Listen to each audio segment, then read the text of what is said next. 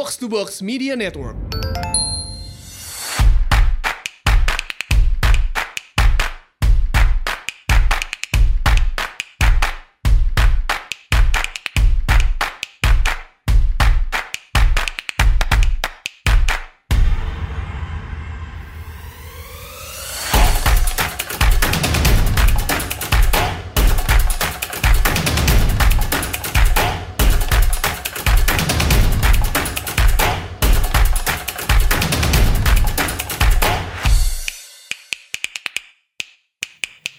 Datang di Asumsi Bersuara bareng gue Rayas tuh dan kali ini kita akan bahas satu topik yang lagi hangat dan emang satu topik yang dari dulu cukup dekat di hati gue. Gue cukup concern tentang ini yaitu tentang UU Informasi Teknologi Elektronik UU ITE ini lagi rame banget eh, karena ada beberapa beberapa nama baru-baru ini eh, kena terutama yang paling baru banget itu tentang si Ahmad Dhani.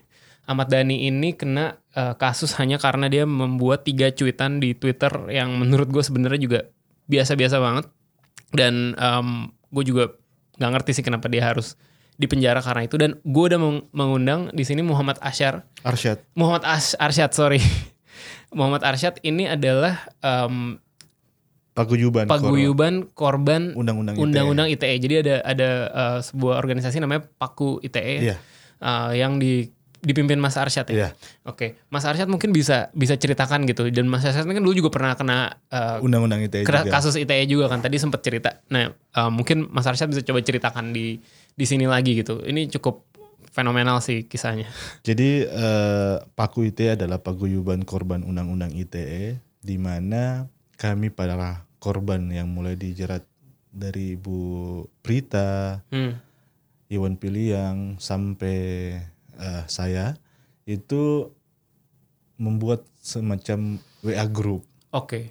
WA group itu tujuannya kita untuk mendiskusikan Mm-mm. terkait permasalahan-permasalahan kita, penerapan pasal eh, undang-undang pasal karet undang-undang ITE ini. Akhirnya tahun lalu itu kita coba untuk kumpul di Bali Mm-mm. terkait membahas karena kami meres- keresahan kami semua itu melihat bahwa wah undang-undang ini semakin liar. Walaupun sudah direvisi di tahun 2016 kemarin, tetapi undang-undang ini terus memakan korban Korbannya udah berapa banyak ya? Udah banyak banget. korbannya itu yang tergabung di dalam eh, Paku ITE itu ada sekitar 257 orang. Tetapi 257 orang ini benar-benar kita saring. Kalau mau mengetahui data keseluruhan ada sampai ribuan orang. Bahkan ada di salah satu unit kepolisian itu bisa sampai pelapornya itu bisa sampai seribuan orang. Ribuan orang ini udah kena, udah masuk penjara gitu. Maksudnya di- udah ada pelaporan. Oh udah ada tu- seribu lebih laporan. Ya eh, ribuan pelaporan. Hanya saja yang tergabung di dalam eh, Paku ITE itu baru sekitar 257. Oke, oke, oke. Karena eh, yang kami benar-benar memasukkan dalam eh, Paku ITE ini adalah orang-orang yang benar-benar berupaya untuk eh, memenuhi hak dari pasal 28 itu. Pasal 28 Undang-Undang Dasar 1945 ya untuk kebebasan eh, berekspresi. Berekspresi. Nah, itu benar-benar yang bisa kita masukkan di eh, Paku ITE. Kenapa? Karena eh, yang kami mau eh, perlihatkan kepada publik bahwa undang-undang ini sebenarnya bukanlah undang-undang yang baik. Kenapa? Karena penerapan dari pasal karet undang-undang ini sudah banyak korban di 257 korban ini hampir semua itu eh, kasusnya aneh-aneh. Oke, oke, oke. Ini mulai dari uh, Bu Prita yang koin untuk Prita itu ya, Koin yang untuk Prita. yang di rumah sakit di BSD Omni. itu. Omni BSD. Oke. uh, kalau kasusnya Mas Arsyad sendiri kayak kayak gimana boleh boleh diceritain? Ya, status saya ini menuliskan status eh, BBM Mm-mm. itu setelah awalnya itu saya diundang stasiun TV lokal di Makassar sana untuk menjadi narasumber. Mm-mm. Sementara menjadi eh, narasumber, tiba-tiba ada sekelompok orang yang datang masuk ke stasiun itu untuk memukuli Memukuli saya. Mas Arsyad. Oke. Setelah saya dipukuli, saya dibawa lari ke rumah sakit. Dan sekaligus uh, melaporkan uh, pemukulan itu karena gampang banget karena ini terekam. Ini prosesnya masih live. Lagi live di TV tiba-tiba di di- TV, dipukulin orang. Ya. Nah, dalam proses itu dalam setelah saya dimasukin dalam penjara ah, di rumah sakit pelaku pengeroyokan ini nggak ketangkap. Nggak ketangkep padahal ya, jelas ada tertangkap kamera segala. kam- kamera banget. Jadi saya mencoba mempertanyakan eh, kepada kepolisian gimana nih kasus pemukulan saya. Bukannya eh, kasusnya atau otak pemukulannya ketangkap, malah saya yang mendapat surat panggilan terkait dengan eh, adanya dugaan pencemaran nama baik melalui BBM. Nah, chat ini status ini saya buat mungkin waktu pada saat saya dalam pen- di Rumah sakit. rumah sakit karena saya ini setelah itu banyak mendapat eh, teror lah mau dari katanya mau dibunuh lah apalah segala Ini emang macam. di di apa di TV tuh lu eh, Mas Arsyad ngomong apa nih? di TV nggak ngomong apa tetapi saya itu hari ada proses politik di kota Makassar. Saya memasang tanda gambar itu eh, kata-katanya saya Golkar saya None. Ya, artinya apa? Saya walaupun orang Golkar tidak memilih calon dari partai Golkar. Oh, Nah, itu proses politiknya. Tetapi yang saya mau katakan di sini bahwa eh, polisi maupun kejaksaan itu saya ini ditahan tiga hari dulu mas. Di setelah proses itu di pe- pemanggilan itu saya diundang sama kepolisian Polda Suselbar ditahan selama tiga hari. Setelah itu penangguhan penahanan. Setelah penangguhan penahanan sekitar ada enam bulan saya dipanggil lagi oleh kejaksaan langsung ditahan dan selama 100 hari untuk menjalani proses persidangan. oke. Ini eh, be- tadi statusnya apa ya, BB? Status BBM-nya? Status BBM saya Novir, ancaman koruptor Nurdin Halid. Ada tiga, tiga bunyi status. Novir, ancaman koruptor Nurdin Halid. Jangan pilih adik koruptor. Saya lupa yang satunya apa. Tiga, ketiga status ini. Ah, saya mau lanjutkan yang tadi mas. Selama 100 hari saya eh, di penjara. Pada saat proses persidangan itu saya diduga mencemarkan eh, nama baik eh, Kadir Halid ini karena ada tiga hal. Yang pertama itu terkait dengan status BBM, yang kedua itu omongan di Selebes TV, yang ketiga itu ada poster yang ditempel selama ini marak pada saat proses politik. Ah, di poster itu jelas saya karena saya bukan tim kampanye siapa-siapa, jadi nggak mungkin akan memasang poster-poster tersebut. Mhm. Eh, Tapi itu dituduhkan ke dituduhkan Mas Arsyad. ke Oke. saya. Tetapi itu mentah. Pada saat ditampilkan eh, hasil re- re- rekaman omongan saya di Celebes TV yang katanya menjelek-jelekkan orang, itu juga nggak ada. Oke. Nah, yang terakhir adalah capture status BBM yang eh, dengan kata-kata tadi, yang sayangnya tidak pernah diuji lab, hanya secertik kertas yang menggambarkan foto saya, nama saya, status BBM, sama PIN BB, itu tidak diuji lab. Oke, Tapi itu benar benar Mas Arsyad eh, post begitu. Ya, saya memang banyak menuliskan status pada saat itu, tetapi isinya mungkin ada seperti itu. Saya nggak begitu hafal Oke. karena proses sudah udah, udah lama ya. Oke, tapi dianggapnya itu yang dianggapnya oleh em, pelapor adalah Mas Arsyad Iya. yang melakukan itu. Ah, yang kedua, se- eh, yang pertama itu kan hanya satu kertas itu. Yang kedua, orang yang berteman dengan BBM itu nggak ada. Oke. Ah, dan pada saat proses eh, persidangan, saya sempat menanyakan kepada pelapor, apa sih yang menjadi penyebab eh, apa yang eh, dampak dari pencemaran yang saya lakukan? Heeh. Menurutnya karena cuitan saya itu membuat dia kalah dalam pilkada kemarin. Oke. Tetapi ya hari, setelah saya di penjara, selama dalam proses penjara itu kan ada pileg lagi. Dia juga kalah. Oke. Artinya apa? Ya jangan salahkan status itu dong karena pilkada kamu kalah, pileg tidak ada status itu kamu kalah juga. Tapi sebenarnya menurut gue serem banget adalah hanya status seperti itu bisa membuat orang di penjara bahkan sebelum diputuskan bersalah ya. Iya. Itu sebelum diputuskan bersalah. Saya eh, putusannya malah bebas. putusannya bebas. Malah saya malah putusannya bebas. bebas. Tapi Tetapi selama, dalam proses persidangan itu saya harus menjalani di, ditahan dulu. Oke, oke, oke, oke. Nah, beda dengan eh, Ibu Prita kan dia memang diputus bersalah, tetapi banding bebas Oke. maupun PK bebas. Ibu Nuril eh, peng- eh, bebas di awal, di akhir eh, Oke. di penjara. Kalau saya memang bebas dari awal dan alhamdulillah eh, nanti bebas lagi. Maksudnya saya melanjutkan lagi setelah eh, bebas, putusan bebas, saya jaksa langsung kasasi. Hmm, Ya, artinya status saya belum ingkrah. iya. Baru tahun kemarin saya mendapatkan put- salinan putusan bahwa saya ini bebas. Bebas murni, di M- Artinya MH. apa? Dalam proses persidangan seumpama orang tua saya harus menjual rumah karena ketakutannya karena anaknya yang dipukuli dulu terus dimasukin penjara. Akhirnya orang tua menjual menjual rumah dari Makassar ke daerah pelosok Kabupaten Goa sana. Terus dalam proses eh, apa dalam selama 100 hari ini ya bagaimana psikologi saya, bagaimana ya, ya. psikologi keluarga itu kita nggak nggak nggak bisa eh, bayar dengan uang seberapapun. Yang lebih parahnya lagi, setelah saya bebas, saya itu nggak bisa nyari kerja apa-apa mas, karena, Karena- status saya belum ingkrah. Oh. Jadi surat untuk tidak pernah dipidana atau ke orang yang berkelakuan baik itu tidak bisa keluar. dan dan kejadian ini nggak nggak satu dua ya tadi seperti yang lo bilang ada ada ratusan gitu. Ini hanya contoh kecil Iya. yang saya utarakan di eh, bawah saya iya, eh, iya. kejadian yang saya. Nah, dan dalam proses di kepolisian saya itu berapa kali ditawari untuk membarter perkara. Mhm. Barter perkara dalam arti apa? Laporan pemukulan saya itu diminta saya mencabutnya sehingga Oh. laporan untuk saya juga ini dicabut.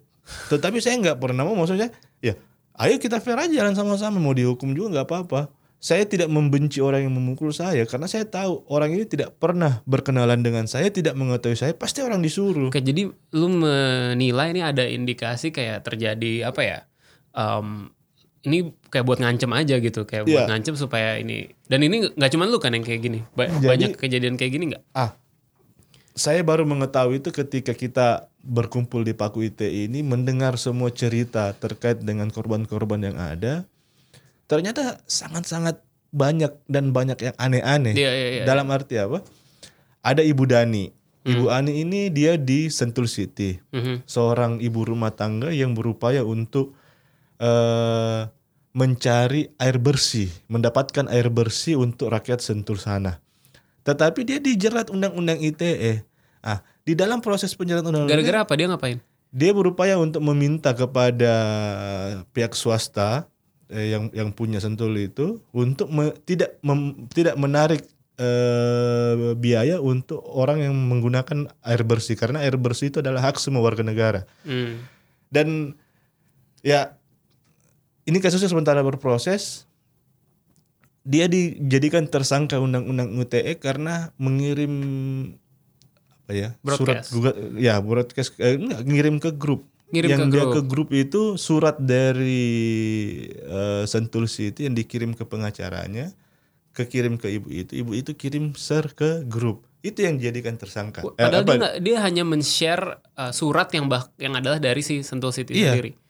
Tapi itu udah cukup untuk membuat dia di, dijerat undang-undang E. ITE Ke- kenapa? Tapi maksudnya uh, apa apa pidananya gitu? Apa salahnya gitu? Ya, karena ini yang aku bilang tadi pasal karet undang-undang ITE ini kan bunyinya apa barang siapa dengan sengaja mentransmisikan eh, yang ada muatan yang tidak me- perbuatan yang tidak menyenangkan.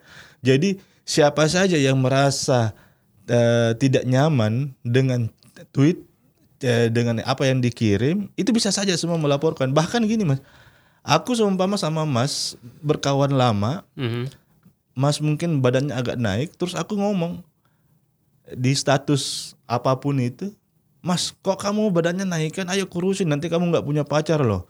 Itu bisa dijerat undang-undang ITE karena hanya persoalan seperti itu. Pen- itu pencemaran gitu. Iya, Itu kalau kalau Mas Arsyad WA ke saya personal atau kalau harus nge-share gimana? ah ini ada juga nih kalau seumpama Mas buang angin, Hmm. terus aku chat istri saya, ini istri saya yang aku chat ya. Mas sama istri Mas Ya. sendiri. Terus Mas mengetahui bahwa saya mengechat istri saya terkait dengan umpama Mas buang angin dalam eh, dialog seperti ini. Itu bisa dijerat undang-undang ITE karena nggak ada nggak ada eh, apa yang penjabaran dari undang-undang ini yang menegaskan orang merasa tercemarkan dengan apa sih? Apa sih dampak dari pencemaran yang bisa dipidana? Jadi siapa aja yang merasa dirinya tercemarkan itu bisa melapor bisa menggunakan undang-undang ini. Itu sekaret-karetnya karet sih. Ah, ini masih bagus Mas karena di sebelum tahun 2016 kemarin itu masih enam tahun. 6 tahun ancaman penjaranya. Ancaman hukumannya. Jadi dalam proses di kepolisian kita udah ditahan Oh, karena lebih dari lima tahun ya. karena lebih dari lima tahun. Ah. Jadi makanya yang saya bilang tadi kami di grup Paku ITI itu ada 257 orang tetapi hanya 47% yang lanjut ke pengadilan. Oke. Artinya 47% ini itu diselesaikan di kerana kepolisian. Ah, dan menurut dari hasil diskusi kami di Paku ITI itu kami mendapatkan bahwa undang-undang ini hanya digunakan oleh tiga oknum. Penguasa, pemilik modal, dan aparat. Karena apa? Hanya ketiga oknum ini yang bisa menggunakan untuk melaporkan undang-undang ITE tidaklah murah, Mas. Oke. Kita harus menyiapkan minimal tiga saksi ahli. Ahli pidana, ahli bahasa, dan ahli Menkoinfo. Anggaplah satu ahli ini kita bayar 110 juta. Kita harus menyiapkan 30 juta. Kalau kita tinggi di daerah kayak saya di Makassar, itu dinas Infokom itu tidak bisa diperiksa sebagai saksi. Karena bunyi undang-undang itu yang harus diperiksa menjadi saksi ahli adalah Keminfo yang bisa memeriksa eh, Oke, ininya. Membiayai penyidik dari Makassar ke Jakarta itu bukan biaya yang murah. Artinya Oke. apa? Untuk melaporkan undang-undang ini aja kita harus minimal menyiapkan uang sekitar 50 juta. Kalau saksi ahli tadi itu 10 juta ya. Ya. Minimal Bisa lima- lebih. bisa lebih. Jadi minimal kita harus menyiapkan uang 50 juta untuk proses ini ke lidik, Hmm. penyelidikan baru penyidikan. Ya. Karena untuk dari penyelidikan ke penyidikan harus melengkapi ketiga saksi ahli ini kan.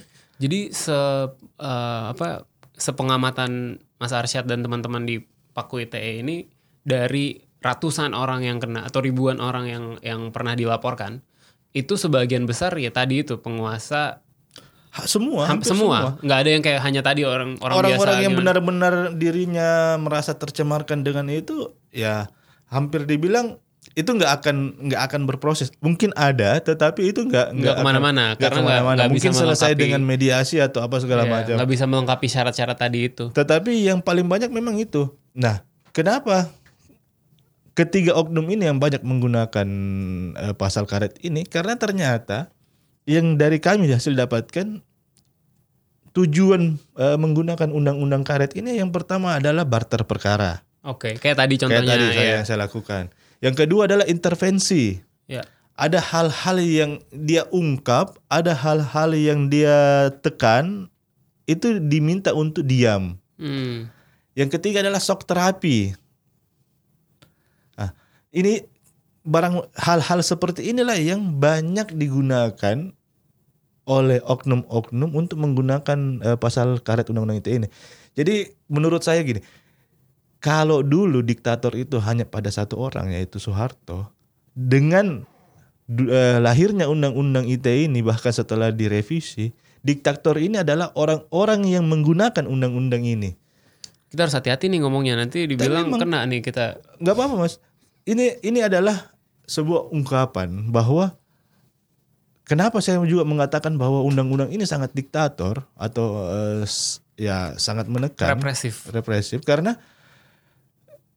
penerapan dari pasal karet ini sangatlah mudah jadi siapa pun yang mengguna apa yang yang orang orang sangat mudah dijerat dengan pasal ini Ya. jadi dan tujuan pasal ini orang dijerat pasal ini ya itu tadi untuk membungkam atau menghilangkan hak pasal 28 eh, undang-undang dasar itu. Oke oke oke. Kalau kasus-kasus yang paling aneh yang yang lu pernah temui selama apa advokasi di di Paku ITE ini apa yang paling aneh-aneh banget kemarin yang, yang terkenal kan eh, ya tadi Bu Prita, terus Ariel Peter Pan, em, Baik Nuril ya, Baik Nuril. Eh, yang banyak nggak kasus-kasus yang lebih aneh Ada lagi? di Bandung Hmm. seorang pasangan suami istri Hmm. eh, sedang bermasalah, chat dari istrinya ini dibobol oleh sang suami dan dilap dan itu yang dijadikan laporan. Itu dia sementara berproses juga. Bahkan si ibu ini dipidana, Dipidana, salah dia bersalah. dia. bersalah. Padahal ini chatnya dia, maksudnya eh, barang dalam penguasaan dia dicuri orang karena kan mau suami istri mau teman kalau pribadi kita diambil itu namanya juga mencuri kan. Hmm. Itu bisa dipidana. Ada yang lebih parah lagi. Yang dipidana istrinya ini, Istrinya. bukan si suaminya yang yang mencuri Bukan. data tadi. Bukan. Jadi istrinya di, di- si suaminya melihat ada chat yang dia tidak senang, Yang dia tidak senang lalu dia mem- melaporkan istrinya. melaporkan istrinya ke polisi dan istrinya dianggap bersalah. Iya. Wah, Ada yang gila. lebih parah lagi. Seorang ibu rumah tangga juga itu merubah eh, sedang berproses eh, perpisahannya dengan eh, suaminya. Itu merubah status di Facebook yang tadinya married jadi eh, single. Ya. Dengan merubah status itu, si ibu ini dipenjara, Loh, eh, di, di, di- dipidana. Kok bisa? Dengan undang-undang ITE karena status dia belum sah Iya, tapi untuk berpisah. Ah, Dia sudah merubah karena merubah itu membuat sang suami tercemarkan tercemarkan nama baiknya nama karena kok, baiknya kok karena meru- istrinya ya, merubah status. Wah, Jadi ya sangatlah riskan lah masuk undang-undang ini. Makanya kami sih sangat berharap eh, masyarakat untuk ayo kita sama-sama eh, mendorong agar penerapan atau pasal karet di undang-undang ITE segera dihapus. wah gila sih itu itu serem banget karena berarti kayak kayak gue ngechat sama siapa pun itu bisa banget jadi masalah. Padahal belum tentu gue nge-share ke semua orang. Bisa aja sih, bisa aja gue, bisa aja ada salah satu orang di grup itu yang nggak seneng sama gue terus dia nge apa ngelaporin bahwa gue pernah ngomong begitu atau ya itu tadi salah satu dari mereka ada yang dicuri HP-nya bisa terus gue kena kasus gitu. Ya, jadi Indonesia ini sangat luas. Setiap or, setiap daerah itu mempunyai eh, gaya yang berbeda-beda. Ya. Saya di Makassar itu dengan teman kalau saling sudah akrab, nama-nama kebun binatang itu itu hal yang lumrah kalau keluar-keluar. Hmm. Di Medan, orang-orang Medan kalau suaranya lembut itu bukan orang Medan. Dia pasti intonasinya agak lebih tinggi. Di Jawa mungkin banyak yang lebih lemah yang lembut-lembut kalau ngomongnya. Tetapi Jawa Timur ada juga yang agak eh, kasar-kasar ya. Nah, saking luasnya Indonesia ini cara omongan kita sehari-hari itu itu berbeda-beda. Ada yang suka mengeluarkan dana eh, nama-nama binatang, ada yang intonasinya keras, ada yang eh, kotor maupun kasar. Nah, ini pemerintah mencoba mengatur tetapi tidak mengetahui ke- kebiasaan masyarakatnya Ya, oke. tetapi malah diancam dihukum. Akhirnya apa?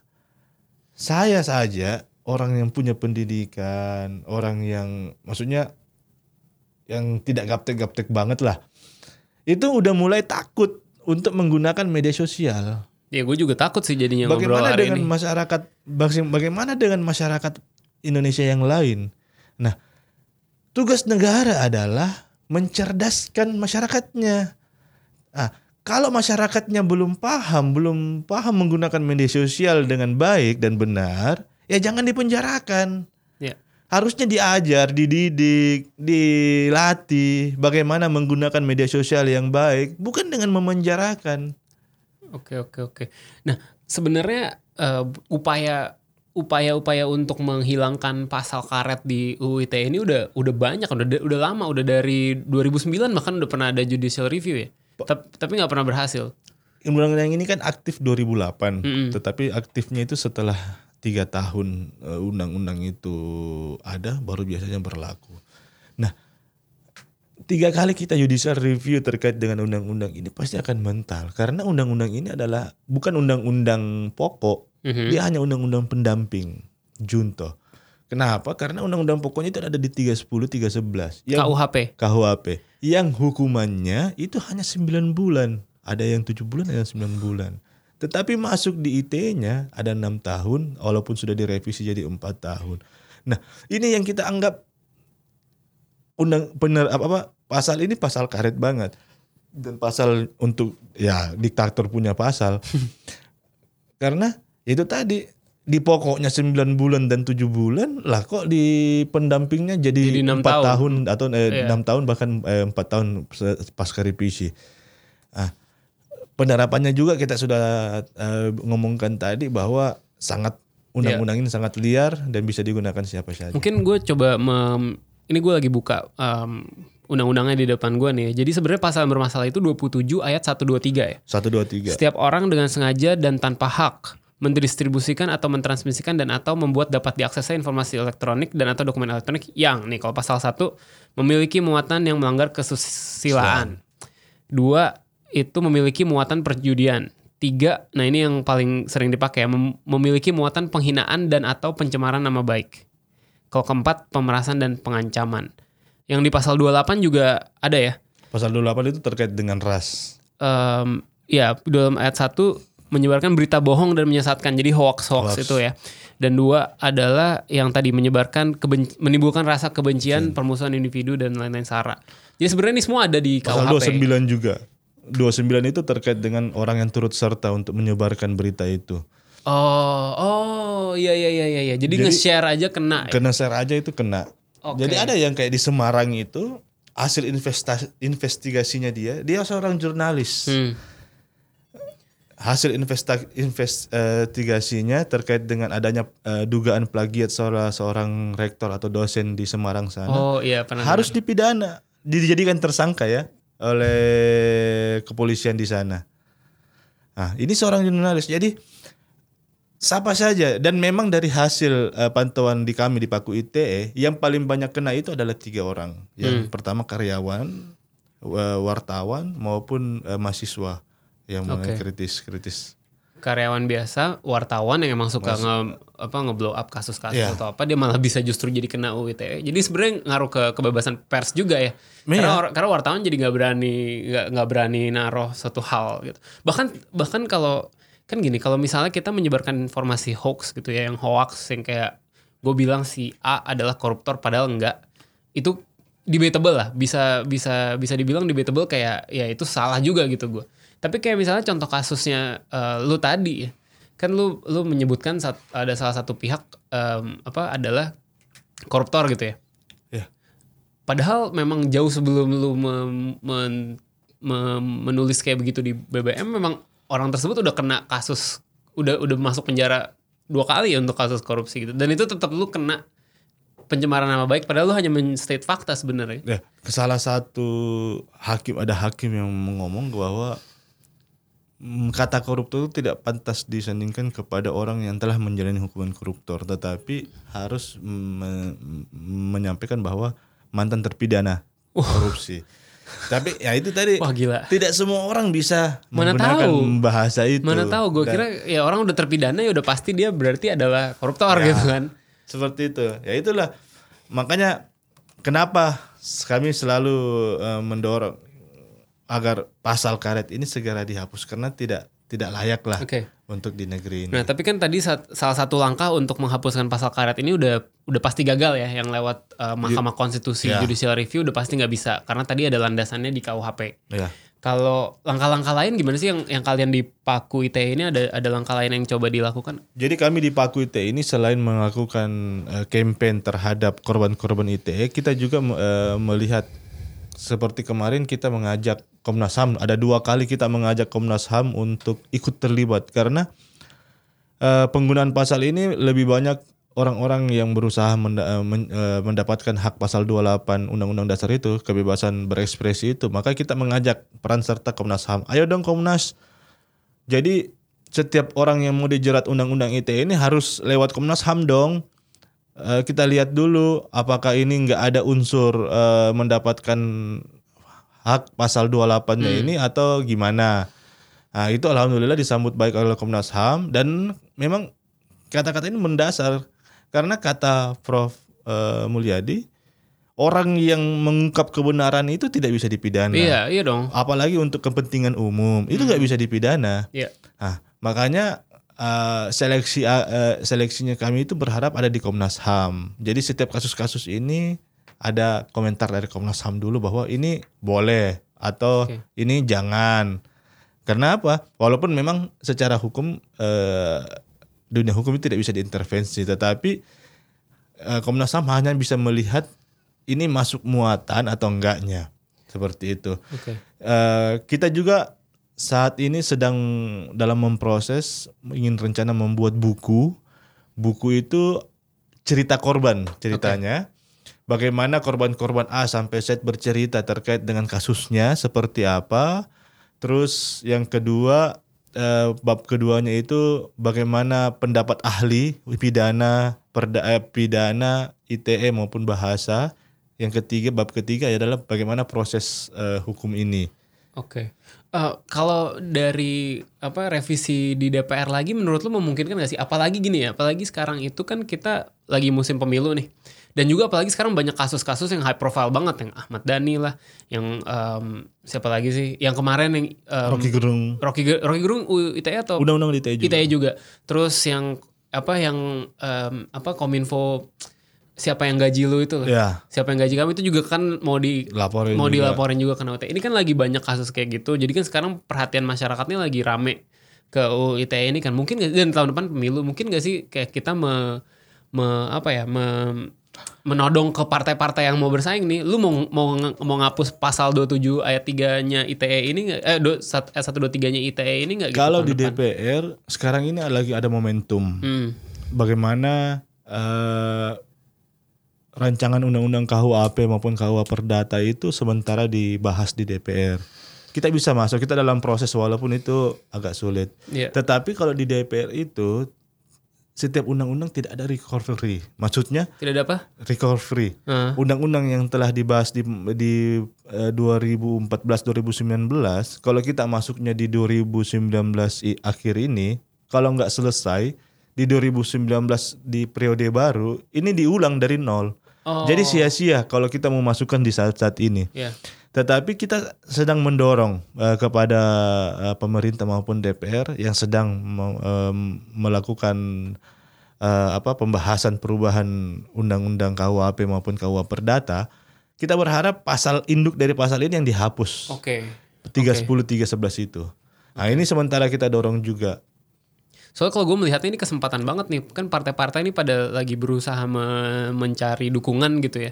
Sementara orang udah banyak lah yang muak dengan UU ITE ini, masa nggak bisa dijadiin satu bargaining power gitu. Dari debat kemarin nggak ada sama sekali kita lihat keinginan mau paslon satu maupun dua untuk bagaimana eh, apa membiarkan lalu lintas di media sosial ini tidak begitu berat hukumannya. Hmm. Tetapi ya kita tunggulah bagaimana selanjutnya. Ya karena sebenarnya yang gue serem adalah gini kan sekarang semua orang lagi lagi nge lagi apa ya lagi marah lah ke pemerintah gitu kok menggunakan UU ITE ini buat kesannya mengkriminalisasi eh, lawan-lawan politik. Tapi sebenarnya nggak ada juga komitmen bahwa kayak "Wih, kalau gue yang berkuasa gue nggak akan gue akan menghapuskan ini gue nggak akan pakai gitu. Jangan gue serem ya ganti ganti ga- apa ya ganti orang yang berkuasa tapi dipakai juga untuk balas dendam gitu kan seremnya di situ sebenarnya. Itu yang dari dua semenjak undang-undang ini lahir, saya lah tahun 2013 itu eh, orang politisi atau karena politik itu hanya sekitar 6% jauh banget. Hmm. Tetapi memang tujuan undang-undang ini adalah membungkam masyarakatnya yang berupaya mengkritik atau mengungkap sesuatu kebenaran. Hmm. Ini hanya karena proses momentum politik ini jadi eh, publik akhirnya banyak paham bahwa Aware ya. wah ini bahaya nih undang-undang ini. Tetapi yang sebenarnya dari proses undang-undang ini lahir sampai dengan hari ini begitu banyak orang-orang berupaya dibungkam menggunakan undang ini, begitu banyak orang yang berusaha untuk men- eh, menggunakan undang-undang ini untuk menstrop tera- te- terapi or- eh, rakyatnya.